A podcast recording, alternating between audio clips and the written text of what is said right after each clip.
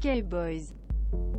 Velkommen til årets første udgave af Okay Okay Boys, programmet, hvor vi snakker, nørder og anbefaler musik i alle afskygninger. Vi har holdt en lille pause, men øh, er tilbage nu i en specialudgave, fordi i dag der skal det nemlig, nemlig handle om det forgangne år, 2019. Vi skal have valgt årets bedste plader, og til at hjælpe mig med det, har jeg mit faste selskab med mig i studiet i form af Lars Andersen og Magnus Krog, og øh, mit navn det er Oliver Åbo. Velkommen til øh, jer to, Lars og Magnus. Mange tak. Tusind tak. Godt nytår. Ja, Godt nytår. Godt nytår. Er I kommet godt ind i det nye år? Ja, fint. Ganske fint. Ja, dejligt. I har ikke øh, mistet nogen fingre eller øjne, og hørelsen er stadig, som den skal, så I kan høre masser af musik. Alt, alt er, som det plejer. Ah, det er Yes. godt. Det er godt. Det er ikke noget uh, New Year, New Me for dig.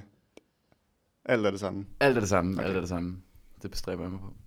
Ja, vi skal jo til at øh, have gjort året op her, og, øh, men jeg, jeg tænkte lidt over, hvordan har I det egentlig det her med at rangere albums øh, i lister? Det er jo noget, der øh, her i de sidste måneder af et år, at det flyder internettet over med alle mulige top, hvad ved jeg, om af årets albums.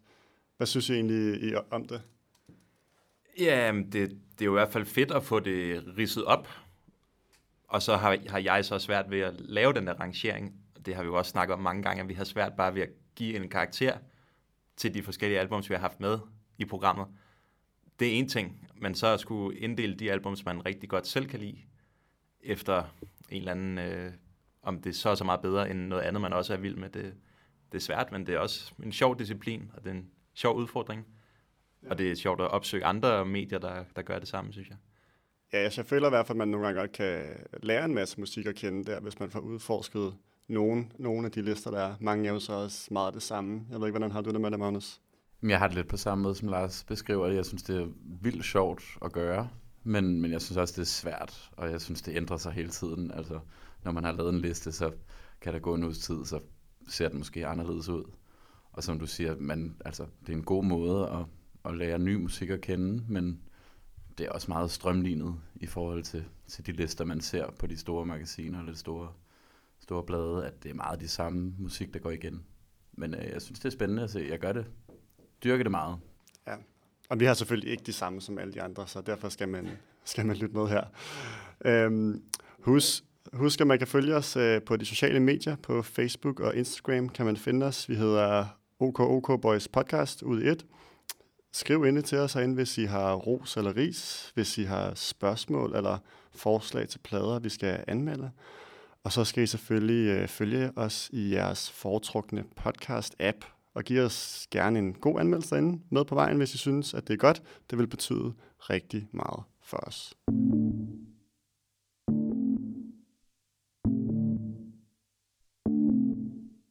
Okay, okay, boys. Inden vi kommer til årets bedste album, så skal vi lige til et øh, efterhånden velkendt indslag, nemlig det, vi kalder OK eller ikke OK. Og i dag er det en øh, helt speciel 2019-udgave. Og hvis man ikke kender formatet, så går det meget simpelt ud på, at jeg nævner en eller anden ting, og i den her omgang har det så noget at gøre med det forgangne år. Og så skal I to fortælle mig, om øh, I synes, det er OK eller ikke OK. Og det første, jeg har valgt at tage med, det er en af de helt store ting fra, fra 2019. Det er selvfølgelig uh, Lil Nas X og Old Town Road, den her country trap hit, som jo uh, gik fuldstændig viralt. Uh, Magnus, OK eller ikke OK? OK. Det er, det er et rigtig fint nummer. Øhm, det er måske blevet spillet lige lovlig meget, så man er også noget blevet træt af det et par gange, men øhm, jeg synes, det, det svinger. Jeg synes, det er en, en, en fed øh, fusion af, af trap og country, og så Billy Ray Cyrus er meget sej, synes jeg. Hvad siger du, Lars? OK eller ikke OK? Jeg synes også, det er ok. Um, og det, jeg især godt har kunne lide ved det, er det her med, at det er kommet i så mange forskellige nye versioner. Det synes jeg har været ret sjovt at følge med i. At først var det jo bare Lil Nas X, og så ret hurtigt kom der en version med Billy Ray Cyrus. Og så kom der den her Diplo-udgave, et remix. Og så kom der en, en tredje, eller er vi oppe på fjerde, ja, fjerde udgave med, altså igen Billy Ray Cyrus og Young Thug. og så ham der Walmart jodel-drengen. det var, Gud. der var vi ligesom noget full circle der. Det synes jeg var, det var ret sjovt at følge med i, hvad, de, hvad han kunne drive det til der. Ja, Der er også blevet en 8-bit version. Nå, den har jeg ikke dag. Nej. okay. Det vil jeg gøre. Og så, ja, den har su- super bred appel, fordi det på en eller anden måde lyder lidt som en børnesang, synes jeg. Det er også, når man kunne forestille sig nogle børn, der kædedansede på en gynge, eller hvad hedder sådan en kæphest, eller et eller andet. Altså, Der var det der ret fede klip, hvor han var ude og spille på en eller anden, øh, en eller anden skole, hvor der sidder en masse børn på en 5-6 år, eller hvad, mm. hvor meget det nu er, som bare altså, galler den der sang ud, og han kan ikke engang synge over det anlæg, der har, fordi at de synger så højt, de der børn. ja. Øh, den er værd at gå ind og finde på YouTube. Okay, næste øh, i rækken her, det er også en af de helt store sensationer, en af de store navne fra i år på, på popscenen. Billie Eilish. OK eller ikke OK? Åh, oh, der, der er lidt twisted egentlig. Øhm, ja, ok vel, men jeg synes, hun, det, hele projektet virker sådan en lille smule kalkuleret, uden jeg egentlig kan sætte en finger på, hvorfor. Der er bare et eller andet, der virker lidt off på mig, som om det er lidt for beregnet, og lidt som om hun, ja, det er der selvfølgelig mange kunstnere, der gør, men som om hun lidt for meget tager en eller anden persona på sig, som måske ikke er så autentisk. Og det, det tænder jeg en lille smule af på. Så ja. Øhm, jeg har ikke, altså jeg har kun hørt et enkelt eller to numre. Jeg har faktisk ikke rigtig fulgt med i den store hype, indtil at hun florerede på virkelig mange årslister for ikke så lang tid siden, hvor jeg var ret overrasket over, at hun var blevet så stor. Jeg troede, hun var sådan en teenage-idol. Det er hun jo så også, men, men, men altså det musik, jeg har hørt, synes jeg faktisk er bedre, end jeg havde forventet. Så ok. Ja, men man kan sige, det er i hvert fald noget, der har formået at, jeg har både fået det der teenage-idol ting på sig, øh, masser af streams og alt det, der skal til, men også altså har fået øh, gode anmeldelser, og ja. Jamen, jeg synes også, altså der er nemlig noget spændende i musikken, øh, som, hvad kan man sige, transcenderer hele det her teenage-univers, hvor det bare handler om, om at måske læfle for dem. Nej, det ved jeg ikke, det lyder lidt hårdt, men ja. Ja, det er rigtigt. Hun, hun dyrker lidt mere det der, mere det der navlebeskuende noget, som det også kan være at være teenager. Og så er hun ikke sådan så kropsfixeret og sådan noget, som så mange andre store stjerner kan være, som giver børn nogle forkerte selvbilleder og sådan noget. Hun giver lidt mere plads til, at man kan være alternativ. Hvilket så virker en smule kalkuleret, synes jeg, men det er jo alligevel et godt budskab, altså, trods Ja. alt. Okay, den, øh, den næste øh, punkt, vi skal tage stilling til, det har jeg valgt at kalde øh, Reunions Galore, og så er det, fordi der var en ma- mange spændende reunions her, der har, øh, der har fundet sted øh, i 2019. Jeg nævner nogle få her. Pussycat Dolls, Mac, Mac, McFly, My Chemical Romance og Rage Against the Machine. Øh, altså reunions generelt, men også de her. OK eller ikke OK?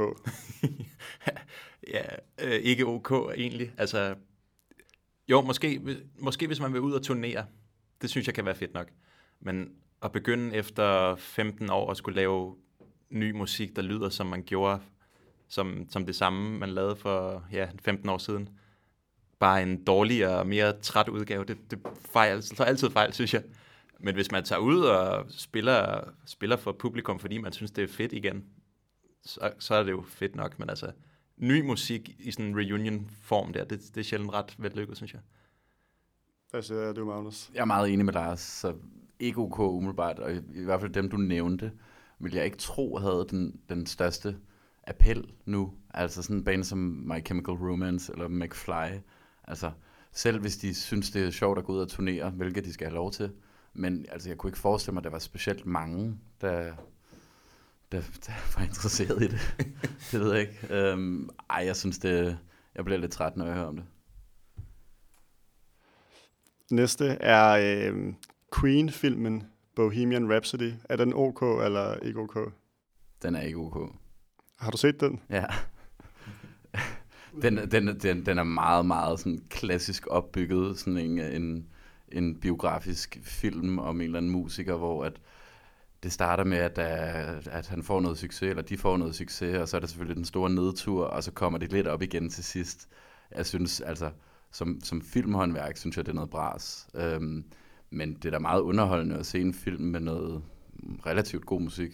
Øh, men, men nej, jeg synes ikke, den var så interessant. Øh, ja, altså jeg har ikke set den, så jeg ved ikke, hvad jeg skal sige, men øh, jeg tager det Magnus på ordet, så siger jeg ikke OK. Sådan.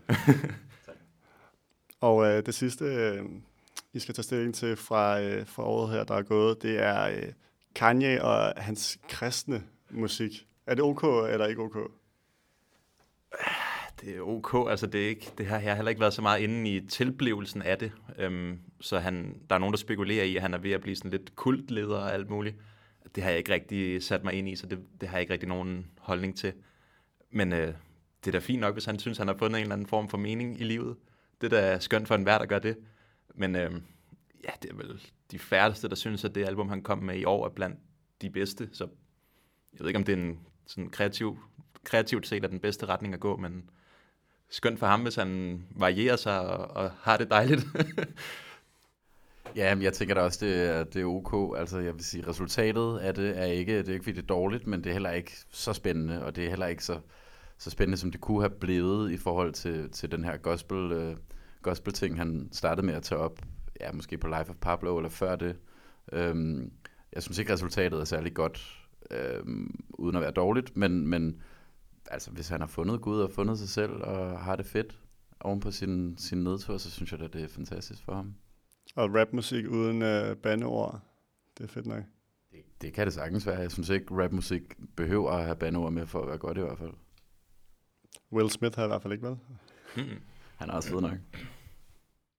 Nå, det var alt fra OK eller ikke OK i en uh, 2019-udgave. Lige om lidt, så skal vi til årets bedste albums.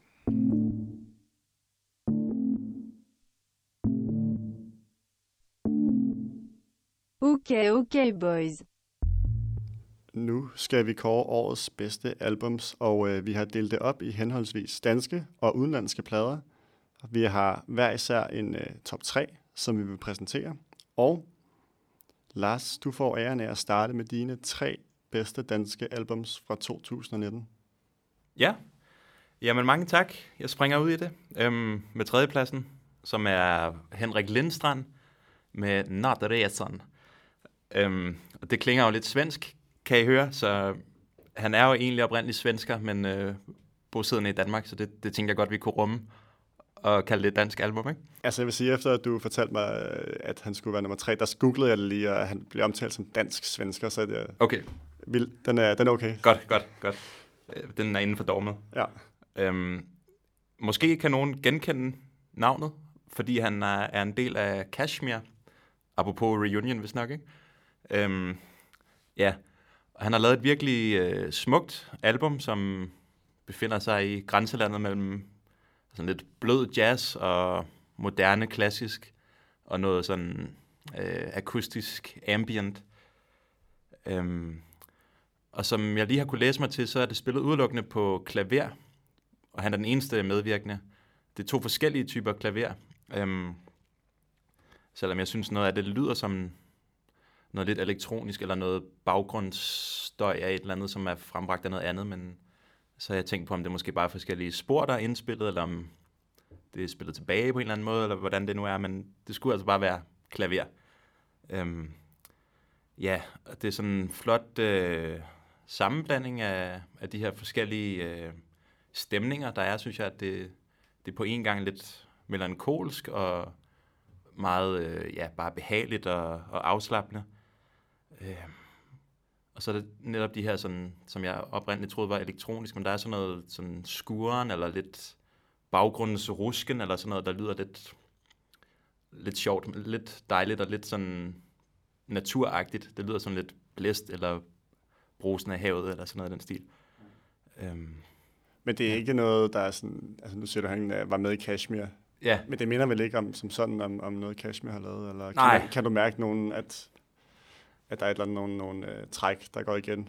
Nej, altså, altså slet ikke. Jeg, jeg, jeg har ikke dykket Kashmir så meget, så jeg kan ikke huske sådan lige i detaljer, hvordan klaverspilleriet er på størstedelen af deres numre.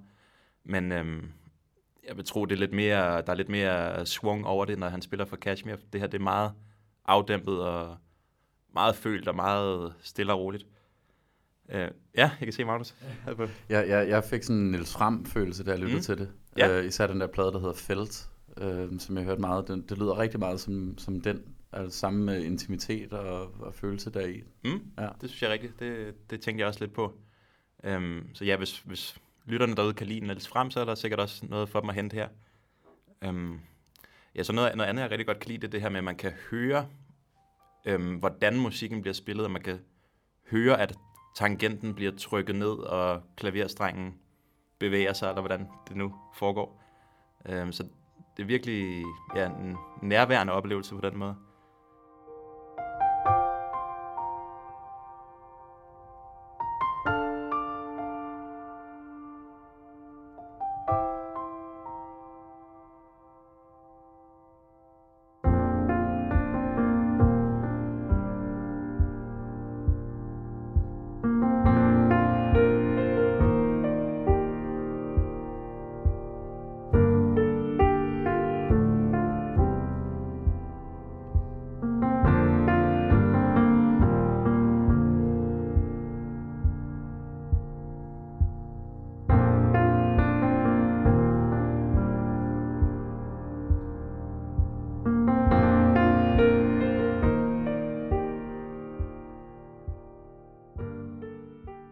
Nummer to på listen. Ja, øhm, det er jo en, en kending af programmet, øh, Jamaica, øh, som vi jo har talt om, som trofaste lyttere vil kunne huske for vel, knap et år siden efterhånden. Ja, det tror jeg, det er. Det udkom i hvert fald nytårsnat, så det nåede lige at blive udgivet i 2019, altså. Øhm, jeg synes, det... Ja, det siger jo... Okay, nu har jeg ikke afsløret, hvad der er nummer et, men det er i hvert fald årets bedste danske hip-hop og rap-album, det her. Og det er det, der hedder Nordsiden. Yes, ja, det glemte jeg at sige, men det, det er rigtigt.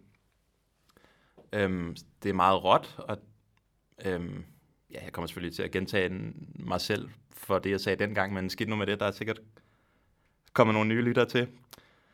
Øhm, så ja, for dem, der ikke kender ham, så er han jo en dansk, ung dansk rapper med en kriminel baggrund, som han synger og rapper rigtig meget om her, og på en måde, som virker meget en til en som beskrivelser af nogle ting, han rent faktisk har oplevet, synes jeg. Ja, man føler, at, øh, at det tror jeg også, vi snakkede om dengang, vi anmeldte det, men at det, det virker øh, meget mere ægte, øh, den måde, han beskriver det på, hvor det både er det der lidt gangsteragtige med, hvordan man, hvordan man er, altså, agerer i det miljø og agerer over for politiet og de der ting, mm. men der er også lidt bagsiden med, og der er en, en sådan form for klagesang i det, ikke? så det, det på den måde giver det en eller anden form for ja, og, ja, ja, ægte, ægthed i det, man kan sige. Ja, præcis. Der er nemlig den der dobbeltsidighed, som du snakker om, hvor han både lidt glorificerer den livsstil, han har haft, men også kæmper for at komme på rette spor og komme til at leve af det her musik, men så til synligheden musik, som handler om det tidligere liv. Så han, altså som, som han har skrevet tekster indtil videre, vil han jo ikke rigtig kunne have den karriere, han har, uden at have den baggrund, han har. Øhm, det må fremtiden jo vise, om han, om han kommer til at skrive om nogle nye emner. Men alle sangene handler om, stort set i hvert fald, om hans gørne og laden tidligere, og hvad han har, har fingrene i. Og det, alligevel bliver det meget øh, varieret, synes jeg, både lydmæssigt, og, men også øh, beskrivelser af noget, der egentlig mere eller mindre minder om hinanden. Altså tematikkerne på nummerne er meget ens, men han beskriver det godt på forskellige måder, synes jeg. Øh, ja, hvor nogle af hans kollegaer måske kommer med lidt for mange af de samme referencer hele tiden, så synes jeg, han fornyer sig selv mere. Ja. Ja, og det har sådan, altså selv, selvom man kan, man kan sige måske, mange af produktionerne lægger sig også op af noget, som er lavet før, enten i Danmark eller i, i USA måske. Men jeg synes stadig efter et år, det er ret frist at lytte til. Uh, jeg, var, jeg var lidt efter albumet, da vi anmeldte, men, men altså, det har vokset ret meget på mig. Jeg synes, selv når man lytter til det nu, så synes jeg virkelig, det, de hiver fat i en, og man, man indlever så meget i det stadig. Ja, altså numrene. Ja. Ja, altså, ja. Ja, hans univers, men også meget med hans vokal, ikke? Jo. Den kan jeg slet ikke komme ned over. Nej, og der, jeg synes også, den fungerer på mange forskellige måder, fordi at man har de der lidt hårdt slående numre, hvor han synger og råber øh, til et hårdt beat, hvor det er sådan en, du ved, hvor alle tager hænderne op til, til hiphop-koncert nummer, men der er også, hvor det er lidt mere følt, men stadig meget kraftfuldt. Ikke? Altså det er, det er det, der gør ham ret unik, synes jeg også, på den, inden for den her genre af dansk hiphop, eller hvad man kan kalde det. Ikke? Altså, Jo, jo. Samtidig, det, det er meget tidstypisk og moderne, men det er også unikt. Altså, så ja. han har, tror jeg, stor bred appel til, til, og fingeren på pulsen må være der er hot lige nu, men uden at han nødvendigvis lyder som alle de andre.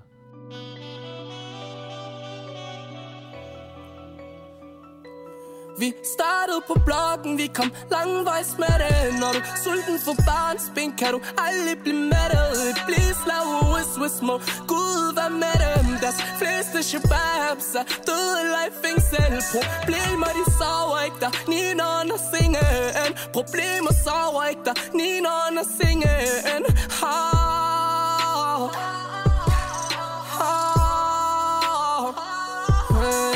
Glemmer jakker Der er konstant problemer, så en konstant pakker Og selvom tiden er varm, bliver nødt til at rykke pakker for Hvad har du øh, fundet til os på førstepladsen? Jamen, der har jeg, ja, kogekunst, som vi også har snakket om en del gange før. Øhm, de kom med et album her i november, tror jeg det var sidst, sidst i november, som hedder La La. Og øh, ja, for dem, der ikke kender til dem, så er det jo Mm, en tomands gruppe to, både vokalister og multiinstrumentalister begge to, som, øh, ja, vi har jo oplevet dem live og hørt begge deres albums nu, og de er jo helt enormt dygtige, men jeg tror, at mange, hvis man lytter til det første gang, er det nemt at afskrive dem som amatører eller altså inkompetente, men fordi de, de udfordrer sig selv så meget og, og laver så mange øh, sådan indstuderede fejl, eller hvad man skal sige. Det, det er svært at beskrive, men de... Ja, det er, altså, det er meget... Øh, altså, jeg synes, musikken er meget legesyg, mm. hvilket gør, at det også altså, skærer ud en gang imellem. Der, altså, vokalen er også tit, når jeg, når jeg har anbefalet det til, til folk, som, som så siger, at det, det kan jeg ikke holde ud at høre på, det der, fordi de måske nærmest altså, synger helt falskt, eller et ja. eller andet, ikke? som du siger. De presser i hvert fald tonerne nogle gange så langt, at deres stemme knækker over. Og det kunne de jo bare lade være med, men det, det er et virkemiddel, altså, som virkelig fanger mig, og ved jeg også, I to. Altså, så jeg synes virkelig, de kan noget helt særligt, og selvom de har sådan en kort karriere, eller hidtil, indtil videre en kort karriere, er man bare slet, slet ikke i tvivl om, når det er dem. Altså, de, de er virkelig genkendelige, og virkelig deres egne. Og jeg tror, at de har format til at blive sådan nogle af de helt store... Ja, det er jo spørgsmålet, hvor, hvor bred appel de har, men de er virkelig nogle kunstnersjæle, de her to, synes jeg. Øhm, og ja, det, det der så er nyt på det her album, i forhold til det fra nu forrige år, der hedder Sexet, øhm, det er, at de bruger lidt mindre humor, synes jeg, end de gjorde før. Ikke fordi det ikke er tilstedeværende, men der er flere sådan kærlighedssange i bund og grund, ballader i bund og grund, men så er de bare så skæve og skøre og utræret, at det bliver en unik oplevelse. Øhm, og så skriver de mere tematisk, end de gjorde tidligere, i hvert fald som jeg har analyseret deres tekster. Altså, det er mere konkrete emner, de synger om den her gang. Ja, altså jeg, jeg, jeg ser det, den her plade som sådan en break-up-plade i, i høj grad. Jeg synes, det er kærlighed på den svære måde mm. øh, i høj grad. Så det er også, men jeg synes nu egentlig, altså det kan godt være, at de har min, mindre humor, men jeg synes, at humoren er der måske mere underspillet mm. i, deres, i deres tekster. Altså der er sådan nogle, altså hvor det handler om måske om en ekskæreste eller et eller andet, hvor det er en lille diss, men på en virkelig sjov måde, de, mm. der kan komme til den her ekskæreste Ja, øh, det er rigtigt. Øh, ja, som jeg kan, kan huske nogle eksempler. Noget, det der med, at du samler på støv og på pant, synes jeg. Det, altså, det, er, det kunne være mig. altså, det synes jeg, det er... Men at de så samtidig også skal komme med de her helt vildt følsomme tekster. Um, ja. Ja, blandt andet den der, hun kan ikke sove, som er slutteren på pladen, ikke? Jo. Den er jo dybt hjerteskærende. Ja, hvis man nogensinde har været igennem et, øh, et, et hårdt breakup, så, så rammer den, altså, den sang ret, ret meget, synes jeg. Mm. Ja, så virkelig smukt, og jeg var, jeg var nærmest helt øh, angst for at høre det, fordi jeg var bange for, at jeg kun kunne blive skuffet, fordi jeg elskede deres tidligere album så meget. Så derfor blev jeg ekstra glad for at se, at det her er ja, det er lige så godt. Jeg vil ikke sige det bedre, men det, det er lige så godt som det tidligere. Næsten i hvert fald. Og, og det er noget fuldstændig andet. Øh, så det synes jeg er ret flot gået på omkring, ja, der er vel gået godt et år fra det første til det andet udkom. Og det er jo sådan helt øh, Beatles-agtigt at kunne forny sit udtryk så meget inden for så kort tid, og alligevel være så genkendelig. Eller så, ja. Ja, og uden at gå ned på, på at være måske nogle af de mest originale inden for dansk musik, og mest eksperimenterende, men stadig ja. inden for en, en popgenre, eller hvad vi kan kalde den. Det er jo ganske imponerende. Vi starter ind i sofaen, bearbejdende En forelskelse med fem år på banen Bebrejdende Og selv at vi nøje har bygget den til højde, der kun kan skuffe Vi fniser indforstået godnat og søger søvnen sammen Men ingen kan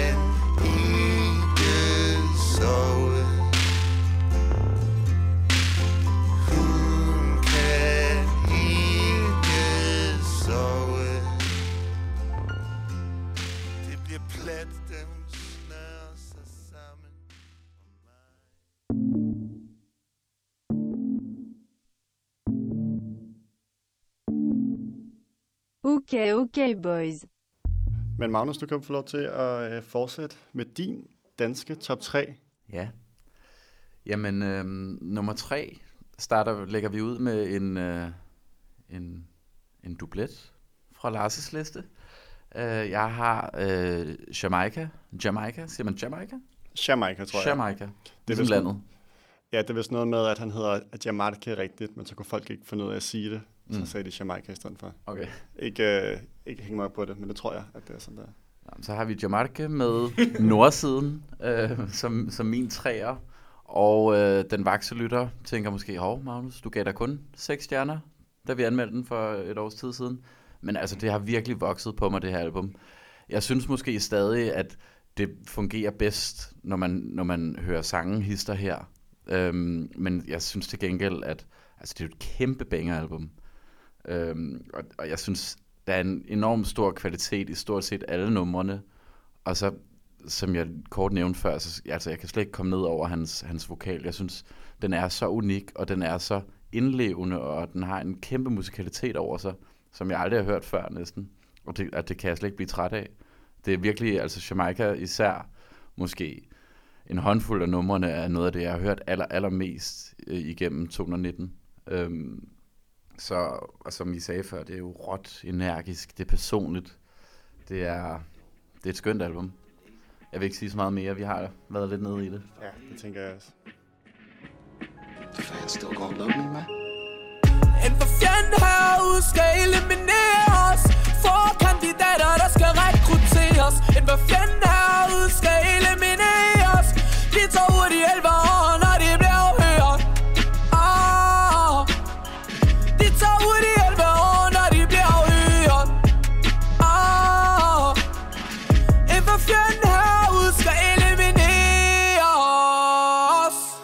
snak til mennesker generelt at tale Siden jeg var 10 år har ikke været normal Han det skorpion Vi må lige videre til min anden plads.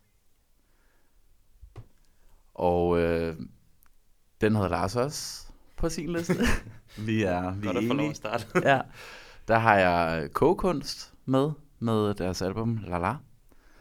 Og ja, altså du beskrev det, I beskrev det begge to rigtig fint, men altså, det er jo sådan et mismask, uden at det skal lyde negativt, et mismask af sådan sindssygt mange forskellige idéer og, øh, og genre, og altså, øh, ja, det er jo popmusik, men det er, det er så eksperimenterende, men det er også enormt fængende. Altså, sådan, alle sangene er nogle sådan meget i, i, øre, i ørefaldene, og de er, de er gakkede, de er opfindsomme, og de er super originale. Altså, det, der sker virkelig mange spændende ting inden for den danske, danske scene generelt, men, men altså jeg vil sige, kogekunst, det er en af, af banderførende for, for, hvad kan man sige, videreudviklingen af, eller ja, videreudviklingen af popmusik, eller i hvert fald en eller anden idé om, at pop kan lyde på andre måder end, end en top 40 øh, chart. Øhm, elsker dem, og, og ja, jeg glæder mig til at dykke endnu mere ned i albummet. Det er jo stadig ret nyt. Øhm, men, øh, og hvis de fortsætter deres produktivitet, så kommer vi måske også til at høre fra dem i, i 2020. Ja. Man kan håbe. Ja. Der er ikke så meget la la la la la la la la la la la la la Sådan sagde du la la la la la la la la la la Og du pirker ved la la la la la la la la la Jeg venter med glæde la la la la la la la la la At du ligger la la la la la la la la la la la jeg tigger la la la la la la la fucking lortepis usikker la la la la la la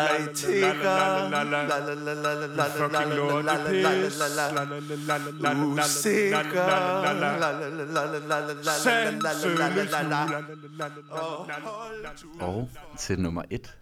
Det har jeg glædet mig lidt til det her. Øhm, det her er for mig ikke bare årets danske album, men det er årets album for mig. Det er altså... Vi har jo i vores seneste afsnit snakket lidt om det, hvor jeg også roste lidt. Øh, det er selvfølgelig Ganger med øh, albumet Mørk.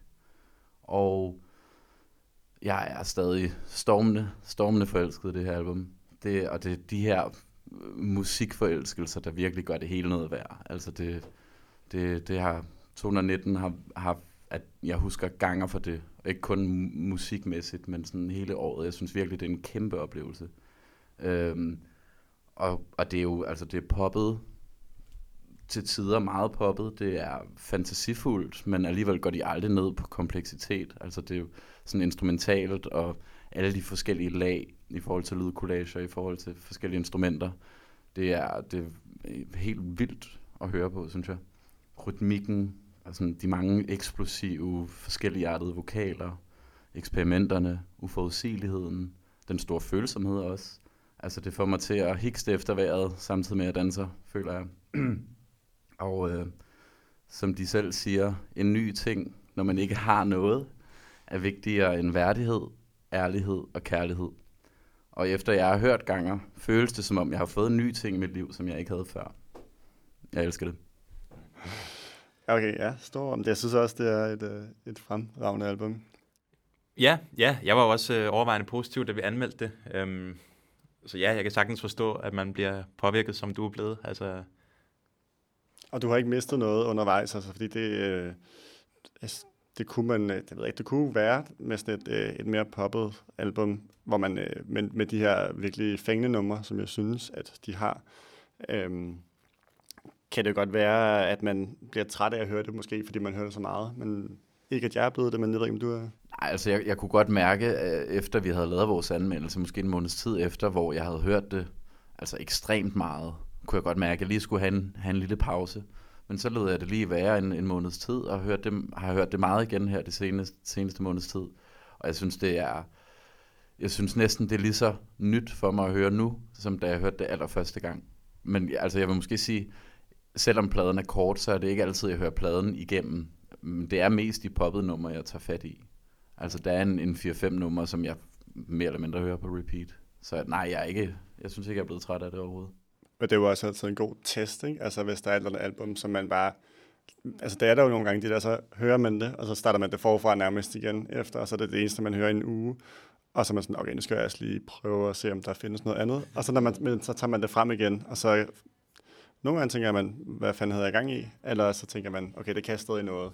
Og det er jo, det er jo altså en god, ja. en god test, som den så er bestået. Helt sikkert. Krydsersløgnen.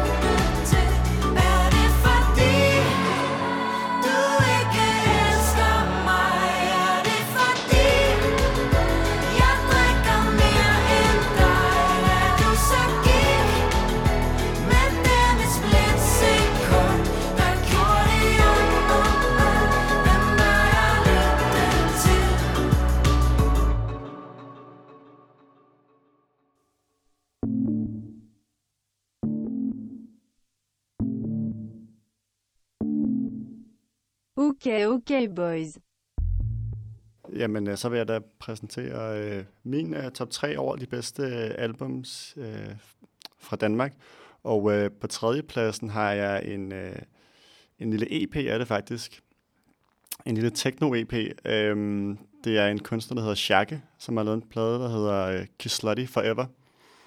Øhm, og det er fra den her københavnske techno-scene, som har, har blomstret en del de, de sidste år, hvor det er sådan, den er lidt, lidt hurtigere, øh, lidt hårdere techno, der er blevet populær. Nogle gange er der også lidt elementer fra noget, noget trance indover. Øhm, og øh, Shake her, han er en af dem, der er kommet ud af den her, den her scene. Og øh, han fik lidt et hit fra den her plade øh, i år, den der hedder Kiss People, som, øh, som i hvert fald har fået rigtig mange afspilninger på Spotify, og som jeg har hørt også blevet spillet altså rundt omkring i hele verden. Og øh, det er en, en EP, der er udgivet på et russisk label, faktisk. Og øh, det er et, et label, som er udsprunget af en, en klub, som nu er lukket, som så hed Kislotti. Så som jeg har forstået det, så er det en eller anden form for øh, hyldest til den her, øh, til den her klub. Øhm, og som jeg sagde, så er det hurtig, øh, hurtig øh, hård techno, men så er det så på den her EP, at han har brugt meget russisk øh, indflydelse fra nogle russiske popnumre, der er, er samlet, så det gør også, at det bliver øh, også nogle ørehænger, samtidig med, at det også bare er nogen, man kan danse, øh, danse hurtigt til ude. Så det er, altså det er hårdt og tungt, og så er det også virkelig euforisk, som også er en del af den her, den her scene kan. Så stor anbefaling, øh, hvis man er til, øh, til den slags, at, at tjekke Shakke ud, og generelt også bare den her øh, scene, øh, som, er, som er rigtig spændende. Ja, altså nu, nu har jeg, jeg kendt overhovedet ikke til det, før du øh, le, fortalte os, hvad du vil nævne her i dag for ja, et par dage siden. Men jeg har nået at høre det en del gange. Det kan man jo heldigvis, fordi det ikke er så langt. Jeg synes, jeg, jeg er også rigtig imponeret. Altså det, det er måske lige hårdt nok til, at jeg vil sidde derhjemme og høre det så meget, men jeg kan sagtens forestille mig, at på en klub ville det være virkelig fedt. Og øhm, ja, nu må, du, nu må du rette mig, jeg tror, du har hørt det mange flere gange, jeg har, men der er sådan forholdsvis få elementer i spil ad gangen, er det ikke rigtigt? Der er ikke så meget underliggende. Det er mere bare en rytme, der bliver dyrket. Ja, og så... det bliver nærmest slået an fra starten, hvor man lige så man kan bare nogle hurtige, hurtige kicks og, og sådan noget, og så ja. kommer det her sample ind, hvor at, øh, der er ja, en, en kvinde, der synger noget med Kislotty Music, og så kører den bare, og så kører man måske lige lidt ned, og så kommer den tilbage igen. Altså det, ja. det er det der med, at den har det der euforiske, fordi man får bare lyst til at altså stikke ja. stik, uh, fingeren i vejret, og så bare stå og, og, og råbe, råbe, med, råbe med på det, ikke? Lige præcis. Jeg er meget enig, meget enig. Jeg har også ganske nyt bekendtskab for mig også igennem dig, Oliver, men jeg synes også, det er helt på røven over det. Altså, det er jo sådan virkelig, sådan virkelig hårdt, og som du selv siger, det er sådan også meget euforisk, og øh, altså, jeg, jeg synes, jeg har også hørt det en del derhjemme, efter du øh, introducerede mig, og jeg synes, det, synes, det er fedt at sidde og høre derhjemme også. Øh, det er ikke så tit, jeg måske hører sådan hård techno eller hård trance derhjemme, øh, medmindre jeg er på klubben. derhjemme. ja, du ved, hvordan det er. Ja. Ej, men, men så også, altså måden, de blander de her øh, pop samples, øh, er der noget tattoo iblandt? Så det, det det er der vist, og jeg har, jeg har ikke helt øh, formået at finde ud af, hvad det er, der er tattoo. Nej, eller mig. Men, men jeg synes, øh, altså, det er jo prikken over i'et, øh, eller måske er det mere end prikken over i'et, men, men, men den her blanding af den hårde techno og, og, og, og pop samples, virkelig, virkelig spændende at lytte til.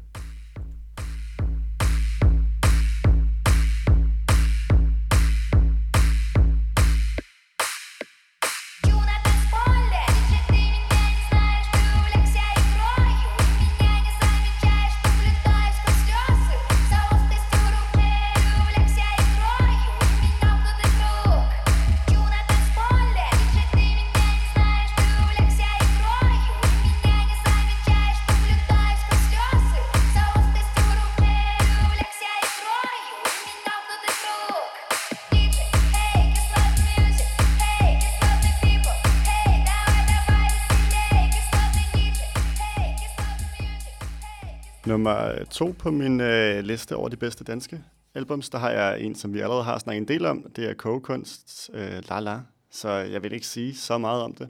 Jeg synes, vi har været godt omkring det, øh, især jeg to her. Men øh, altså, jeg bliver mere og mere forelsket i det her band, jo mere jeg hører det. Og øh, altså, det her album har jeg også haft mere eller mindre på repeat, siden det kom for, for øh, små to måneder siden. Så ja, originalt legesygt og poppet, og som jeg også sagde før, altså de her tekster, der både kan være ekstremt sjove og ekstremt følsomme, det, er, det synes jeg er, er meget, meget unikt. Og så vil jeg også gerne lige tilføje, at, at hvis man synes, det lyder spændende, eller også har hørt, hørt deres plader og synes, det lyder godt, så gør jeg endelig den tjeneste at se det live. Altså, det er en, en helt sindssyg oplevelse. Nu har jeg været så heldig at se det to gange i, i 2019. De, de er så fede live. Ja, de, er virkelig, altså, de har virkelig charmerende, øh, de her ja. to øh, fyre fra Aalborg, samtidig med, de er også bare helt vildt øh, dygtige og underlige. Ikke? Det er det, de er så umiddelbare, de er så nørdede, og de er så øh, uhøjtidelige. Ja, præcis. Og, og live kan man se, hvordan det her musik bliver skabt. Ja. Og der kan, man, der kan man virkelig se sort på hvidt, hvor dygtige de er, og hvor meget de kan. For de spiller på så mange forskellige ting alle sammen, eller begge to, mens de står i nogle forvred, forvredende positioner og, og synger samtidig. Og ja, de, de kan virkelig overskue mange ting på en gang, og spille på mange forskellige instrumenter til punkt og prikke. Det, det er så imponerende. Satan, ikke vil give tilbage. Og jeg får ikke været for i din nærhed, når du kender min hjerte banker som en sandhed med så mange løse ender. Med ah.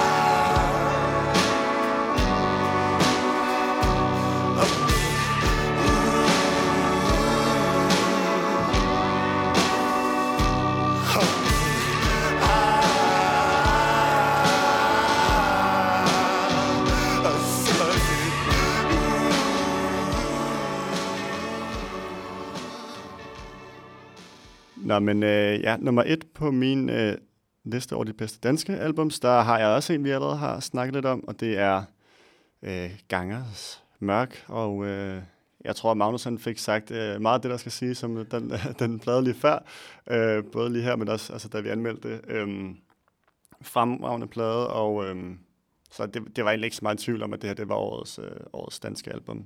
Så ja, endnu en gang øh, stor, øh, stor ros til, til Ganger. Gang, gang, ganger Er du genganganger For det dyre blik, det bang, banger Over sletten og ind i vinden Du giver floden til ansigt Der er intet i vandet Der er intet i jorden selv Der er tid og sted Gang, gang, ganger Er du genganganger For det dyre blik, det bang, banger over sletten og ind i vinden. Du giver floden dit ansigt. Der er intet i vandet, der er intet i jorden selv. Der er tid og sted.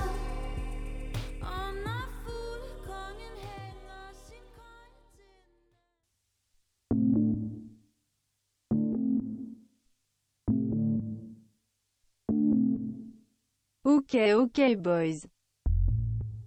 Det var så de bedste danske albums for året, der gik. Og jeg synes egentlig, øh, jeg godt man kan se, at der, der sker meget fedt på den danske musikscene, også i forhold til de albums, vi har valgt nu, var der selvfølgelig meget ros til, til kogekunst og ganger, men at øh, både inden for den eksperimenterende pop og hiphoppen og den elektroniske scene, så det er bare også, øh, vil jeg lige øh, have med, at det synes jeg er mega fedt. Der sker mange fede ting der. Ja, det ser lyst ud for dansk musik. Ja.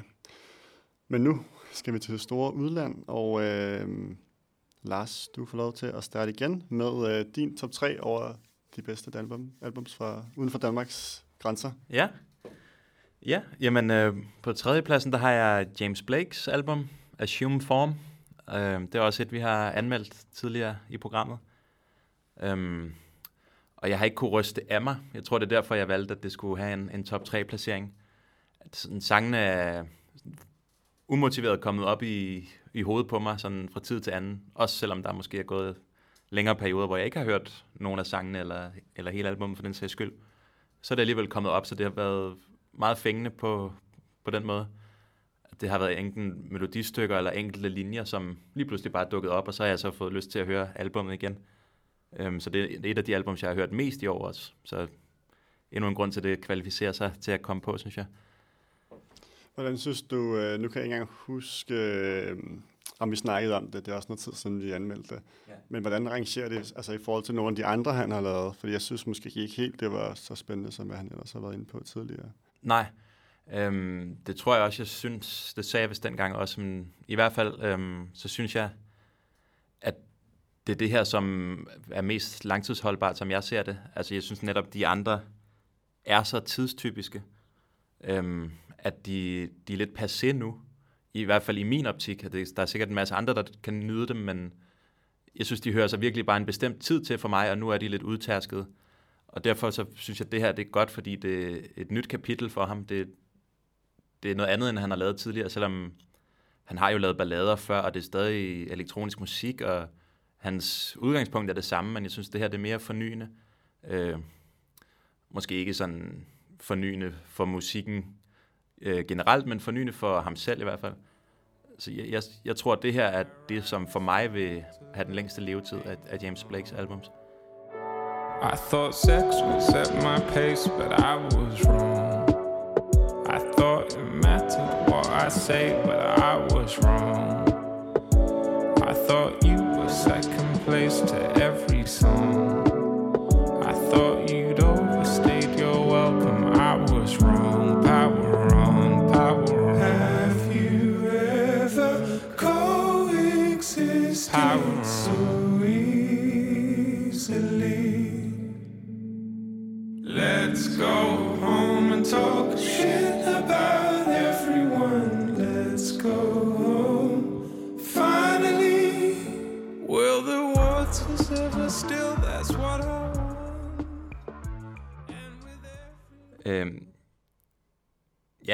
Så på, på anden pladsen, der har jeg et andet uafrysteligt album, vil jeg sige. Det er Eftermens New Atlantis. Øhm, og han er også en, en kunstner, som jeg har kendt ret længe. Øhm, jeg har hørt jeg om flere andre, jeg ved ikke om I to gjorde, men i gymnasietiden i hvert fald var vi flere, der, der dyrkede ham lidt. Øhm, og der var han repræsentant for sådan noget deep house, minimal techno, øhm, som var fedt, og han, han var dygtig til det, men det, det er måske ikke så unikt som sådan. Så derfor, da jeg første gang skulle sætte mig ned og lytte til det her, så havde jeg forventet mere af det samme. Altså noget godt teknohåndværk, øh, som ikke vil skuffe, men måske heller ikke vil være den dybe tallerken, der blev genopfundet. Det vil ikke træde nogen over tæerne. Nej, altså...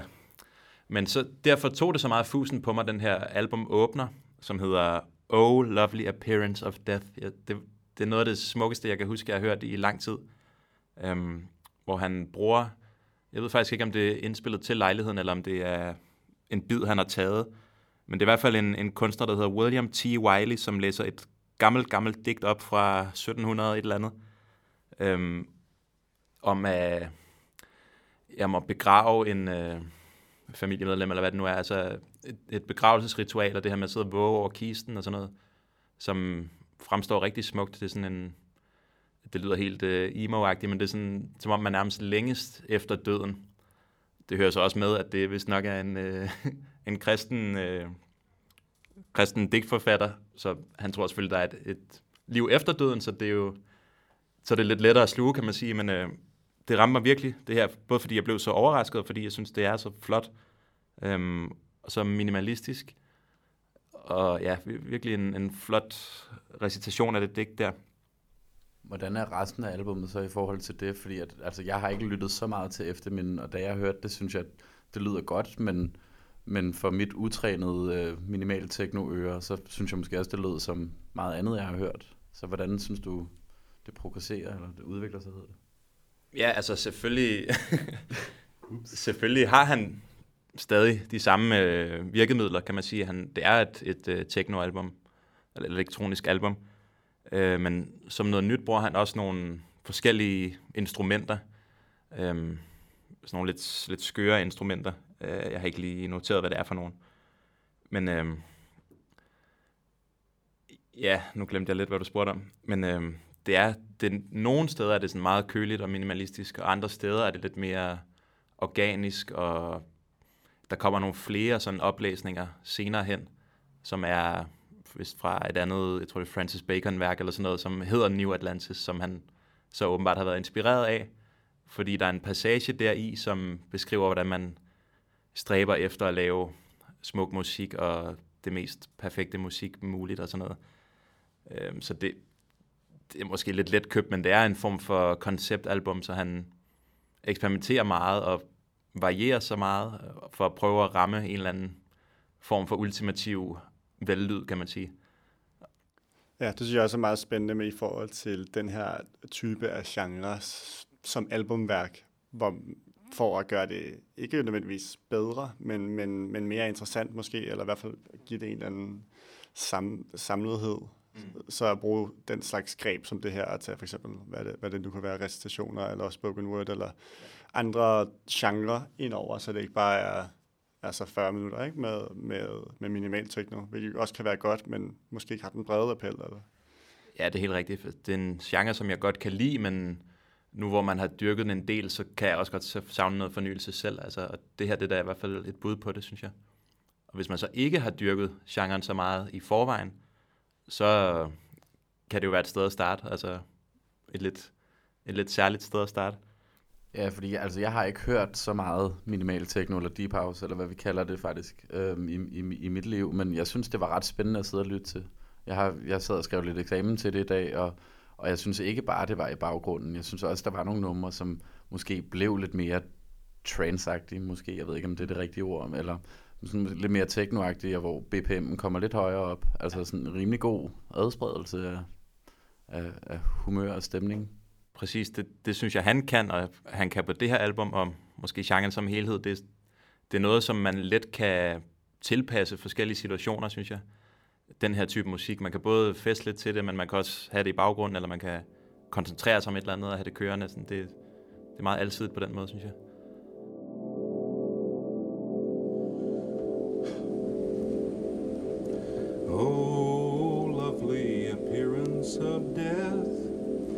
No sight upon earth is so fair. Not all the gay pageants that breathe can with a dead body compare. In solemn delight I survey a corpse when the spirit has fled. In love with the beautiful clay and longing to lie in its stead. How blessed is our brother bereft. Ja, så har vi min første plads. Den går til KKK, Fongola. Og det er et, øh, et band, som kommer fra den demokratiske republik Kongo. Øhm, og det er sådan en slags punk, kan man sige. Det er i hvert fald en meget øh, punkagtig tilgang, de har til det her med at lave musik, hvor de bruger i stor grad nogle hjemmelavede instrumenter. Jeg har set nogle øh, YouTube-videoer med dem også, så det er også en god måde at få respekt for håndværket, ligesom vi snakker om at se Kogekunst live. Så kan man gå ind og se det her, hvor det, det ligner, at de har bygget en guitar ud af drivtømmer og konservesdåser, og så har den to strenge i stedet for seks, men de får bare sindssygt meget lyd af den, ud af den alligevel. Øhm, så ja, det er både super sjovt på den måde, og man kan se, der er noget spilleglæde, og det kan være lidt en protest mod det her med, at det skal ikke være så studieperfekt, hver gang man laver noget musik. Øhm, så ja, så bruger de jo noget slagtøj, som går igen i meget musik generelt, men også især i afrikansk musik, hvor det har en central plads. Øhm, og som jeg så lige har forstået det, så har de sådan lidt skiftende medlemmer, og så en kurator, eller hvad vi skal kalde det, som øh, er fast medlem. Og øh, ja, de har nogle dansere, som også er en fast del af bandet. Så ja, der, der bliver... Sangen er rimelig central, men jeg forstår ikke noget af, hvad de synger, så det kommer også bare sådan til at fly- flyde lidt sammen med det andet. Og Men hvordan vil, altså, nu sagde du, det er en punket tilgang mm. til det. Øh, det, det kan jeg også godt til, men, men hvordan vil du beskrive musikken? Fordi det er, det er jo høj energi i hvert fald, ikke? jo, altså det meste af tiden i hvert Det er fald. ikke larmende. Nej, nej, præcis. Øhm, det er en god pointe.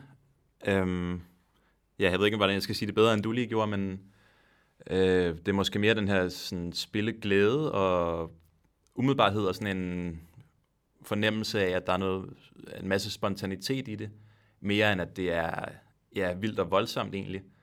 Så det, det er ikke punk på den måde, at der bliver kastet med flasker og smadret guitar og sådan noget. Det, det er ikke den type punk.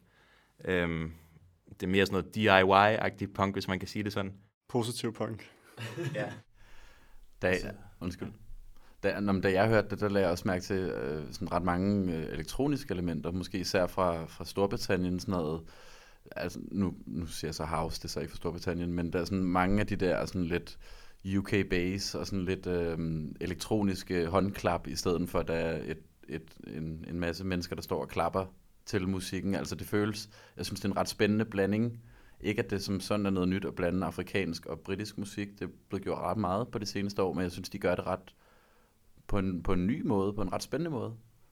Ja, igen er det ligesom meget af det, vi alle tre har fremhævet, så er det noget, som er helt sit eget. Jeg har i hvert fald ikke hørt noget som det, og det, det er jo en stor kvalitet i sig selv, og en grund til at, at fremhæve det, synes jeg. Så kan man altså diskutere, om det skal, skulle være nummer et, eller nummer to, eller nummer syv, eller hvad det skulle være, men jeg synes i hvert fald, man skal honorere det her med at lave noget nyt, og, og få det ud til et, et bredere publikum. Det, Altså, da du, øh, da du sendte, sendte det her til os, så vi lige kunne lytte det igennem, der var jeg altså med det samme kæmpe fan af det. Jeg synes, det var vildt fedt at høre. Også øh, den mandlige vokal, den er sådan ret manisk tit. Mm. Det synes jeg er ret spændende, at det har, sådan, det har en helt speciel energi, men uden at det bliver nemlig uden at det bliver råbende eller larmende som sådan. Nej, det er jeg. Jeg, havde, øh, jeg så dem faktisk øh, på Roskilde øh, ja, for i år, øhm, jeg, hvor jeg ikke kendte dem inden.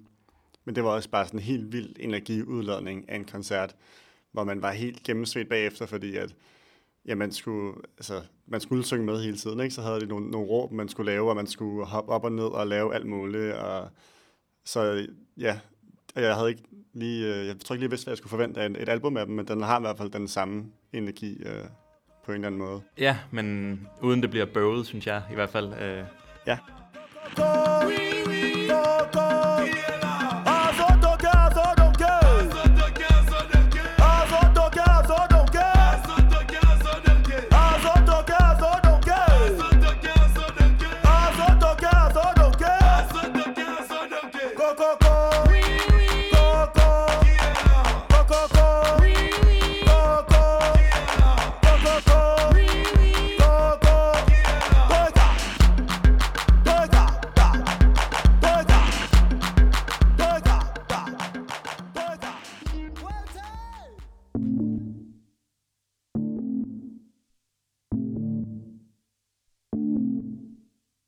Okay, okay, boys. Det var en stærk og meget alsidig top 3 fra Lars her. Du får lov til at følge op på den, Magnus. Jo, tak. Jo, tak. Øhm, min øh, træer af udenlandske albums går til øh, Caroline Polachek med albumet Pang. Og øh, Caroline Polachek, hun er amerikansk, og hun var tidligere forsanger inde i bandet Chairlift, som var stor i starten af 10'erne, mener jeg det var. Sådan 11-12 stykker eller sådan noget, de, de var store.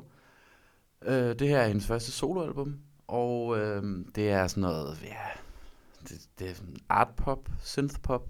Det er sådan lidt, lidt vagt, men, men det er, man kan sige, det der er lidt specielt ved det her i forhold til så mange andre ting, der bliver lavet i den her genre, er, er at det er to af dem fra PC Music, som jeg mener, vi også har været inde på i øh, tidligere i nogle afsnit.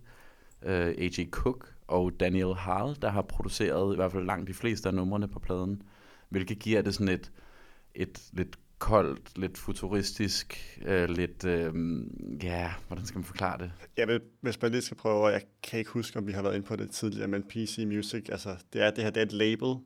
som, øh, ja, en britisk label, som laver sådan noget popmusik, der, der både kigger meget tilbage på sådan noget startnuller, øh, tykkegummi, pop, og tager for det. Men ja, jeg synes også, at der også er noget futuristisk i det, for der har også mange øh, eksperimenterende elektroniske elementer. Så det er sådan en, en, øh, en, ret, en ret skør blanding af de, af de to øh, ting der, som jeg så har været ind over, ind over her også. Ja, meget enig. Du er ret god til at forklare, hvad PC Music er, så den tog du. Øh, man kan sige, øh, øh, det her album, jeg, jeg havde faktisk, jeg, var, jeg kunne ret godt lide Chairlift dengang, så jeg tror, da, da hun kom med det her, forventede jeg lidt i samme dur. Øhm, men det er ikke et så umiddelbart popalbum. Altså det er sådan ret indadvendt, og måske lidt dystert til tider faktisk. Øhm, så, så der gik lige et par gennemlyt, før at jeg sådan for alvor kom ind i det. Men, men altså efter jeg fik det ind under huden, er det slet ikke til at slippe igen. Som sagt er det ikke så eksplosivt, men, men det er sådan, hvad kan man sige, det er sådan meget lunefuldt på, uden at det skal lyde som en negativ ting. Det er sådan ret low-key i sin stemning. Hun er sådan lidt moody i det. Øhm, nogle af numrene sådan minder mig lidt om noget Kate Bush i sin, i sin gode 80'er periode. Øhm, andre er der sådan lidt R&B ind over det.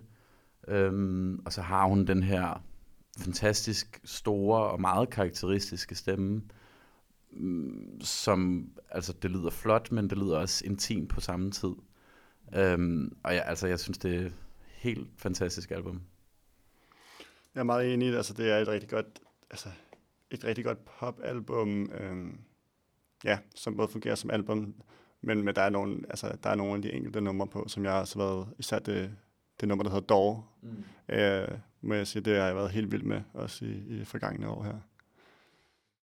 Jeg synes også, at jeg, nogle steder får man sådan en vibe af noget lidt Fleetwood Mac-agtigt, eller sådan 70'er pop. Altså, Ja, det kan jeg godt se, faktisk. akustisk pop, det er det jo så ikke, i og med det er PC Music, men den der stemning, jeg ved ikke, om det er hendes stemme, der er sådan lidt tidløs, eller bare lidt 70'er-agtig, men øh, Ja, det er en meget fin pointe, synes jeg faktisk. Ja, det synes jeg også. Også der er et, et enkelt eller to numre, hvor det også er mere akustisk drevet, hvor det ikke er så industrielt eller futuristisk. Uh, så det kan jeg sagtens se. Det er en god pointe.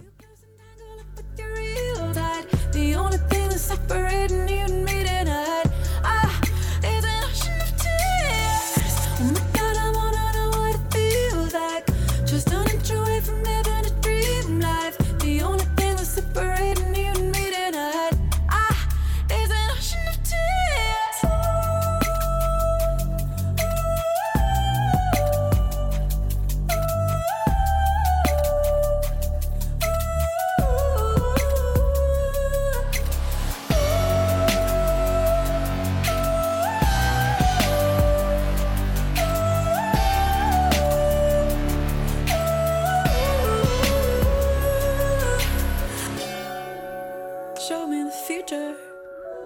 Yeah, I'm all eyes.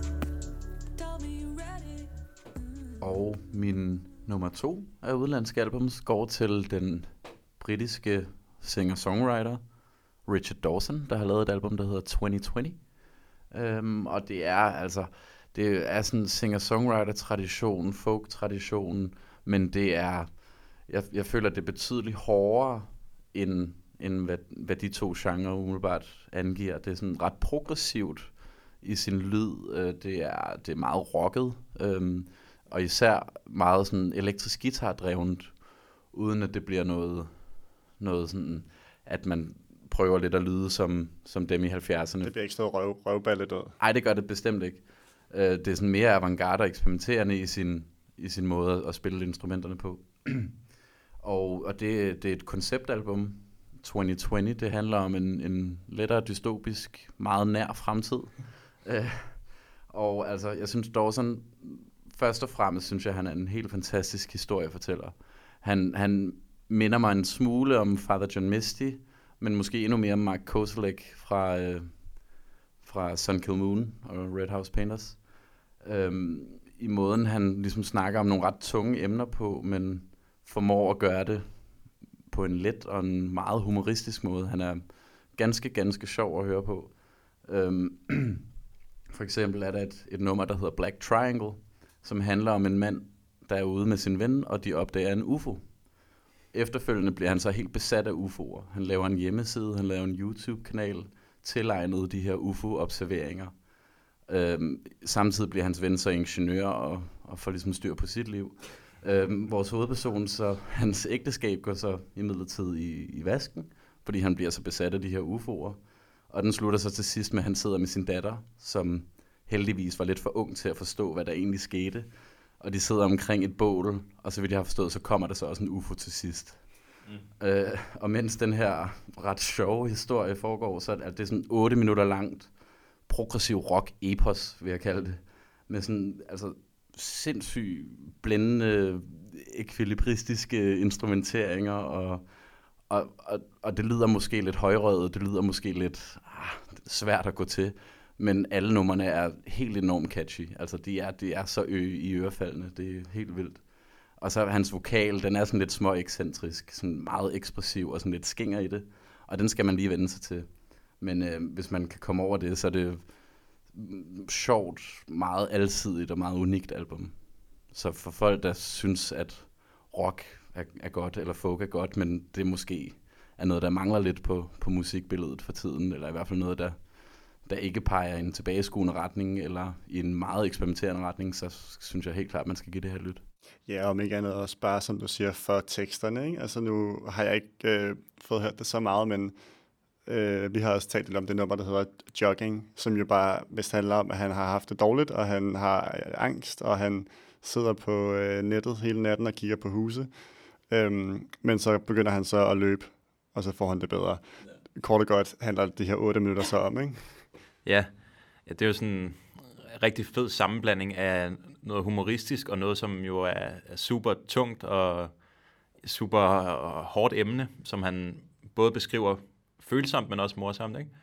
Og øhm, ja, teksterne er meget centrale. Jeg har heller ikke hørt det øh, så meget, men, men jeg har også bidt mærke i teksterne de gange, jeg har gjort det, og tænker, at mange af dem kan egentlig næsten stå for sig, altså som små øh, noveller. Altså lyden er, er næsten sekundær for mig at se på det her album. Øh, det er i hvert fald teksterne, der, der virkelig løber med, med opmærksomheden, synes jeg. Og så ligesom du sagde, at han kommer lidt, øh, bruger lidt samme teknikker som Mark Koselik, det her med, at der skal ikke nødvendigvis være en masse enderim.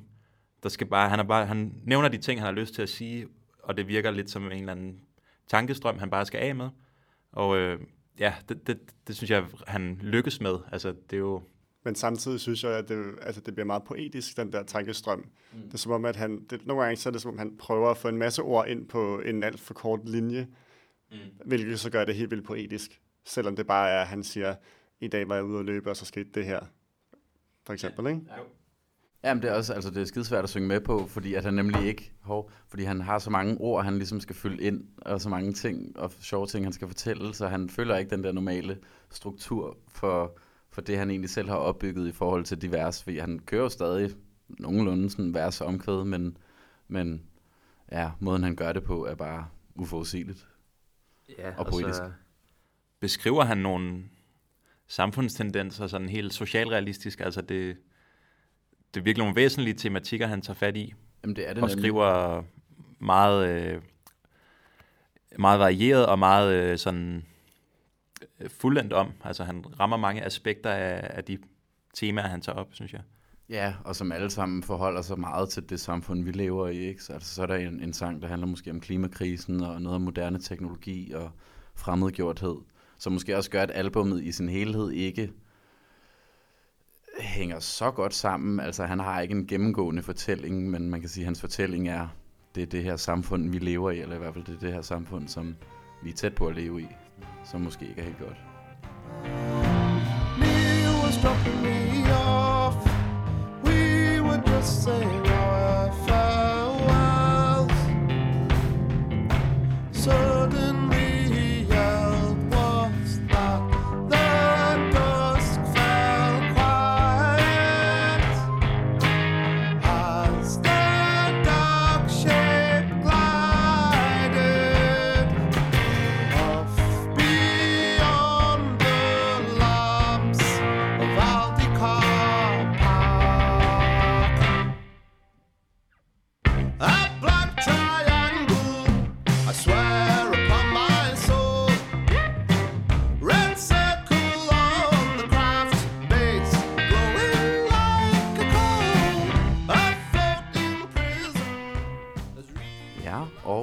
til min nummer et. Vi går videre til endnu en god og sjov historiefortæller. Det er Alex Cameron med øh, Miami Memory. Og Alex Cameron bevæger sig også lidt inden for den her, øh, ikke som Richard Dawson, men, men øh, sådan synth-pop, lidt pop-rock, sådan en, en let form for rock, sådan lidt heartland-rock er der også over det, der er sådan lidt Springsteen over ham en gang imellem. Det var måske i højere grad på hans forrige album, men, men ja, det er sådan meget... Øh, let album at lytte til på en måde. Øhm, og det er virkelig, altså, vi anmeldte det senest, hvor jeg gav det en 8, men, men, men det er et album, som jeg elsker mere og mere for hver gang. Jeg var jo kæmpestor fan af hans album, der hed Forced Witness, som kom for et par år siden. Og jeg synes, jo mere jeg hørte det her, jo tættere kommer det op på at kunne måle sig med det. Og det er et album, der er fyldt med skarpsindige og meget humoristiske tekster om, hvad kan sige, en eller anden form for, hvis der er en rød tråd, en eller anden form for forældet maskulinitet i, i det moderne samfund. Øhm, og så, ud over hans tekster, som jeg føler er, er, er det bedste ved det her, så har han en helt fantastisk sans for melodi. Altså han har nogle meget, meget melodiøse, catchy sange, og det er det, som jeg nævnte, at det, det er enormt let at sætte sig og lytte til, og det er enormt let at få noget ud af det. Og det synes jeg ikke, man skal kimse af, at, at musik nødvendigvis skal være svært eller tungt, for at det er godt. Øhm, og så synes jeg også på det her album, at hans vokal kommer endnu bedre til udtryk i forhold til, til hans, hans tidligere måske. Altså han synger virkelig igennem, og han har en ret fed, sprød stemme. Øhm, så ja, jeg er kæmpe fan af Alex Cameron, og My Memory er et, ja, det bedste album fra udlandet i år. Ja, men jeg er meget enig. Jeg var også, øh, også tosset med det, og vi, vi havde lidt samme med, historie med, at vi begge to var ret vilde med, med det forrige der. Men øh, jeg synes også, at han har fulgt rigtig godt op øh, på det med det nye her. Ja, ja. Altså, den her, han er sådan en virkelig god øh, satiriker, mm. synes jeg. Samtidig med, øh, men det er ikke på sådan en på sådan lidt grå, øh, stå uden for måde. Det er også en rockstjerne. Han er også rockstjerne og lidt et røvhul selv måske også. Og, og så, ja, en, ja, en charmeur. Ikke? Altså, man bliver lidt forelsket i ham også, synes jeg. Ja. Selvom man godt kan mærke, at han er lidt måske et røvhul en gang imellem. Ja, fordi de her karakterer, han snakker jo tit som sådan en tredjepersons fortæller, men mange af de her karakterer kan man godt måske fornemme har, har lidt at gøre med ham selv. Ikke at han selv er repræsentativ for hans karakter, men, men at han, han, man kan sige, han iscenesætter i hvert fald sig selv som en mulig karakter i hans historie, hvis det giver mening. Ja. Øh, og det er ret sjovt, fordi han tager så meget pis på sig selv. Ja. Ja. Og så at man kan lave, synes jeg, et, altså et, et album, som er, ja, det er et pop-rock, vil jeg kalde det, sådan overordnet, ja. men, men meget, øh, meget synthet, men som så lyder stadig, øh, altså, det lyder stadig relevant i år, i år 2019. Altså, det kunne, jeg synes, at det, ja, det er tit svært at sælge det her album, fordi man, man kommer til at beskrive det, så lyder det som noget, altså en kopi af noget, man har hørt før måske, ikke? Ja. Øhm, men det er det ikke, selvom der er tydelige referencer. Så øh, ja. Nej, han har sin helt egen stil, det, det må man sige. Noget, jeg også godt kan lide ved ham, øhm, er, at, at han som måske også følger en, en, en trend en lille smule. Altså ham, der hedder Jonathan Rado, har produceret det her album, som var med i bandet, eller måske stadig er, hvis det stadig findes, det der hedder Foxygen. Men, men har virkelig fundet sig selv som en glimrende producer. Blandt andet produceret også for Wise Blood i år, og for Father John Misty sidste år. Og det er ligesom, det er sådan, altså jeg kommer til at tænke på The Beatles, fordi at måden, de ligesom opbygger en rocksang på, de har, man, det er forenklet, og der er plads til alle de forskellige instrumenter. Du kan høre, når trommerne kommer ind, de er super sprøde. Du kan høre, når bassen kommer ind. Det er så meget enkelt, men det er enormt effektfuldt, uden at det kommer til at lyde derivativt, eller lyde som de andre album, jeg lige nævnte, eller de andre kunstnere, men, men det er bare den der måde, han sans for minimalistisk rockproduktion, som er poppet også. Det, det tager jeg handen af for, det kan jeg virkelig godt lide. Umbrella dreading water, Roy boys clinging on, paddling drunk through airports on a raft of plastic bombs. Been on dating apps in Budapest, we got fires hawk in Prague. Sodomy in Berlin without no guten talk when she said you don't have to be my darling so PC with me. Yeah, she said you don't have to be so PC with me because the meaner they are, the harder I fall in love. The meaner they are, the harder I fall in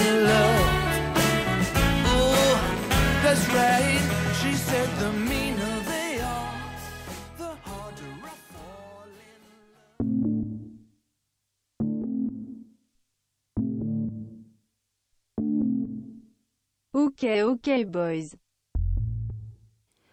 Jamen, øh, så vil jeg øh, runde af med min top 3 over øh, de bedste udenlandske plader fra 2019. Og på tredjepladsen, der har jeg øh, Hannah Diamond med øh, albumet Reflections. Og øh, det er en, en længe ventet debut fra den her britiske kunstner, og øh, hvis man ikke kender hende, så er hun fra den her, den her scene, som, som det her pladeselskab PC Music øh, ligesom startede, øh, som vi snakkede om lige før, med den her meget poppede æstetik, øh, som ja, som sagt trækker mange tråde tilbage til sådan noget nuller, nuller mainstream øh, tykkegummi pop. Øhm, og jeg, det er ikke fordi, det her album i sig selv, kan man sige, gør noget, som man ikke har hørt at inden for de her sidste 4-5 år, hvor, hvor, hvor, PC Music har, har vundet frem. Men, men, øh, men det er et album, der ligesom ind, indfanger alt det, det kan, synes jeg. Og øh, mange af numrene på pladen har været udgivet før som, øh, som singler. Øhm, men, men hvis man ikke har, har dykket den her, det her PC Music før, så er det et godt sted at starte også, hvis man gerne vil have et helt album. For det fungerer faktisk også som, øh, som et helt album. Øhm, Hannah Diamond her, hun har den her sådan lidt, det er sådan meget øh, lidt teenage, teenage pige-agtig tilgang til det, eller sådan vokalen og hendes udtryk, og det, er lidt, det handler lidt om et øh, forlist forhold og, og, og sådan noget. Øhm, men produktionerne er ja, poppet, men har også den her futuristiske stil, som, som vi talte om lige før, og, og enkelte numre er der også, hvor det går helt, går helt amok i noget øh, øh, EDM, øhm, øh, techno, hvad kan man kalde det. Øh, så det næsten bliver for meget til tider. Men hvis man kan lide det her pop, der går, der går over stregen, så er det, så er det en stor, stor anbefaling i hvert fald. Ja, og så går det meget op og ned i altså stemningen på albummet, fordi mange, måske mange af de singler, man har hørt fra, fra PC Music, har været de her meget overgearede sange, de her, altså, hvor det flytter med noget EDM eller noget happy hardcore eller et eller andet, hvor det sådan, er måske lige tæt på at være overstregen. Men der er ret mange numre på det her album, som er ret stille og rolige. Så kan det godt være, at der kommer, kommer en crescendo et eller andet sted, hvor det lige stikker lidt af, men, men det er sådan, jeg, jeg har ikke tænkt over det på den måde, men det du sagde med, at det er et godt sted at starte, det, det rammer du faktisk ret godt. Ja, fordi det er også den her scene, som jeg har fulgt øh, nu her i nogle år, men det er meget... Øh, så har der været enkelte numre, der er kommet, eller remixes, og, og nogle produktioner hister her. Og ja, du nævnte så altså Caroline Polachek, men det er måske ikke helt rammende for genren. Det har mere bare nogle, altså, nogle bidder af det. Men, men Hannah Diamond er også en af de kunstnere, der, har, ligesom, der var med fra starten i det her. Øhm, så ja, fedt at få et album for, for hende egentlig, og ja, dejligt, dejligt popalbum med nogle gode, øh, gode melodier.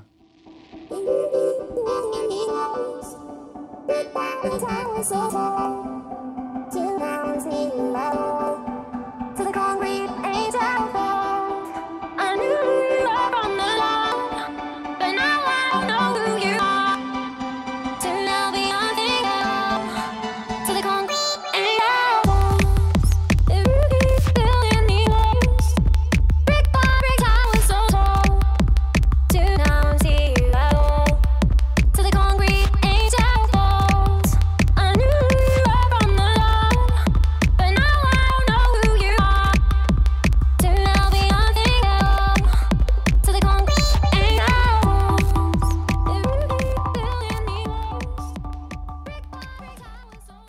og på, øh, på anden pladsen har jeg øh, Alex Cameron, Miami Memory, som øh, Magnus også havde øh, med på sin, dog på førstepladsen. Og øh, jeg vil ikke sige så meget mere, end det vi kom ind på før, egentlig, udover at jeg synes, det, det var en fantastisk opfølger til det her album, der hed Forced Witness, som jeg også var helt forelsket i. Og, øhm, sublim blanding af pop, rock og 80'er synth, som jeg så også fik sagt før. Og så synes jeg også, at det er meget sjovt lige at få med det her med, at jeg synes, det er en type af musik, eller i hvert fald trækker på typer af musik, som man normalt vil kategorisere som sådan meget mandet musik i en lidt gammeldags forstand. Altså det her lidt Springsteen, og det her lidt... Øh, ja, først kan du, kan du følge mig, Magnus? Ja, helt sikkert. Men at det så er den slags musik, som han bruger til at lave en rigtig, rigtig fin kritik af, øh, kan man sige, mandeidentitet i, i, sådan, i nutiden. Mm. Øh, hvor at, ja, som det er, det er netop satirisk, øh, som vi sagde før, og, og han formår at kritisere, uden at det bliver sådan moraliserende eller sådan selvretfærdigt. Øh, det, det synes jeg er, er ret genialt.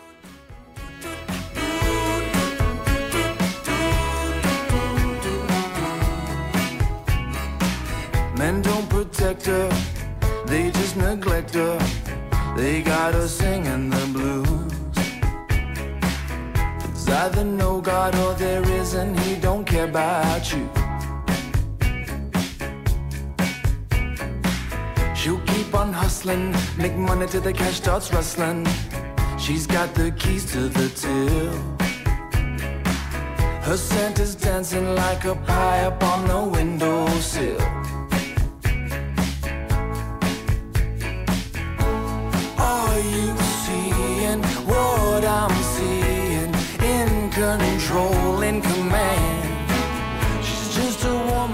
Charge of a plan. Some love them and then leave them. Some want you to stay. It På øh, førstepladsen, der øh, har jeg valgt et, øh, et album fra en kanadisk musiker, der hedder Nathan McKay, og et album, der hedder Blue Spring, som øh, måske er, er årets album overhovedet for mig. I hvert fald det bedste udenlandske. Og øh, genremæssigt, der ligger vi øh, inden for det, som man bredt vil kunne kategorisere som elektronisk musik, men der er især nogle, øh, nogle træk fra, fra trance-musikken. Og øh, altså, på trods af, at det er trance, så synes jeg ikke, at det er øh, et album, der hører hjemme på, altså på en eller anden øh, skummel natklub ude, langt ude på natten. Øh, tværtimod, så er det sådan et forholdsvis, forholdsvis roligt album. I gåsøje måske roligt. Øhm, men, men det, der er spændende ved det også, det er, at det har en eller anden form for, for dramaturgi over sig. Øh, der er en fortælling tilknyttet til albummet i form af et tegneseriehæfte. Det, det har jeg ikke øh, fået læst, desværre. Øhm, så det er ikke, fordi man kan høre en, sådan, en decideret fortælling i musikken, fordi der er ikke øh, vokal på, ud over nogle øh, få samples. Men det er den måde, det er bygget op på med, med forskellige, øh, de forskellige tempi, der er i de forskellige numre, gør, at det virker filmisk eller narrativt på en eller anden måde, synes jeg. Øh, første nummer er sådan en dramatisk anslag med, med en nyhedsfortæller, og øh, så kommer vi lidt forskellige rundt omkring øh, undervejs, lidt ned i tempo, og så kulminerer det hele i hovednummeret på pladen, vil jeg sige, som er det, der hedder The Party We Could Have, som er sådan en euforisk trance techno banger, som man godt vil kunne høre på, på, på klubben, men, men det skiller sig faktisk ud fra resten, øh, resten af pladen. Øhm, ja, så øh, utrolig, utrolig spændende, spændende album. Ja. Jamen, du, du, du, du viste mig det, eller øh, spillede det for mig for nogle måneder siden. Det, jeg er også helt vild med det. Jeg kan også godt lide den her sådan lidt underliggende forløsning eller kulmination, som så kommer på, hvad er det næste sidste nummer, som du lige siger. Men at, at det er så roligt, og det tager sig så god tid til sådan for alvor udfolde sig. Det synes jeg er ret spændende. Og, og Ja, det, det kræver en eller, anden, altså, en eller anden tålmodighed også, synes jeg, at lytte til det. Øhm, jeg kom ind i det ved at høre det, øh, det, det pågældende nummer der, øh, hvor jeg tænkte, okay, det her det er sindssygt fedt. Lad mig høre, hvad han kan over en helt album, altså bare hårdt på hårdt på hårdt. Og det var det så ikke, så man skal ligesom, det går måske 40 minutter, tre kvarter, tror jeg, i pladen, før, eller på pladen, før at man, man, man får den her kulmination. Men, men det betyder ikke, at det, altså, det er jo ikke kedeligt indtil da. Det er bare en rejse, fordi så, ja. Øhm, jeg tror, hvis den her fortælling, der er tilknyttet, det handler om, det er en eller anden futuristisk politistat, hvor der er nogle, øh, sådan nogle data miners, der, bliver, der raver, og så kommer politiet og, og ødelægger deres fest. Så det handler også om en form for, for oprør. Så det tror jeg, pladens titel Blue Spring øh, hentyder til et, et futuristisk, en futuristisk revolution. Øhm, så med det i baghovedet, synes jeg også, det giver også lidt ekstra til albummet. Øhm, men, men så, som sagt er der, er der, er der masser af dramaturgi i, i musikken selv.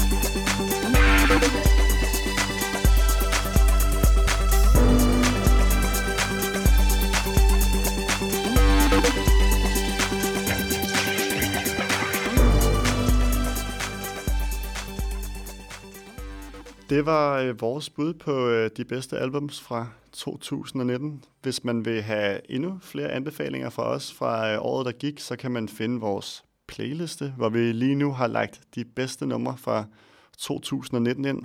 I kan finde den inde på øh, Spotify, og den hedder bare Okay Okay Boys playlisten. Ellers er der ikke meget mere tilbage at sige end øh, tak for den gang. Tak Magnus. Tak Lars. Tak for et godt 2019. Ja, Ja.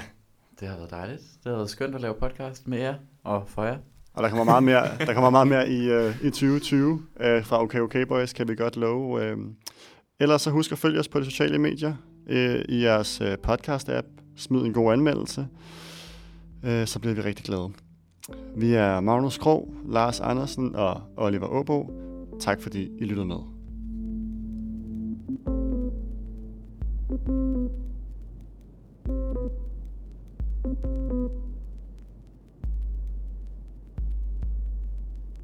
Okay, okay, boys.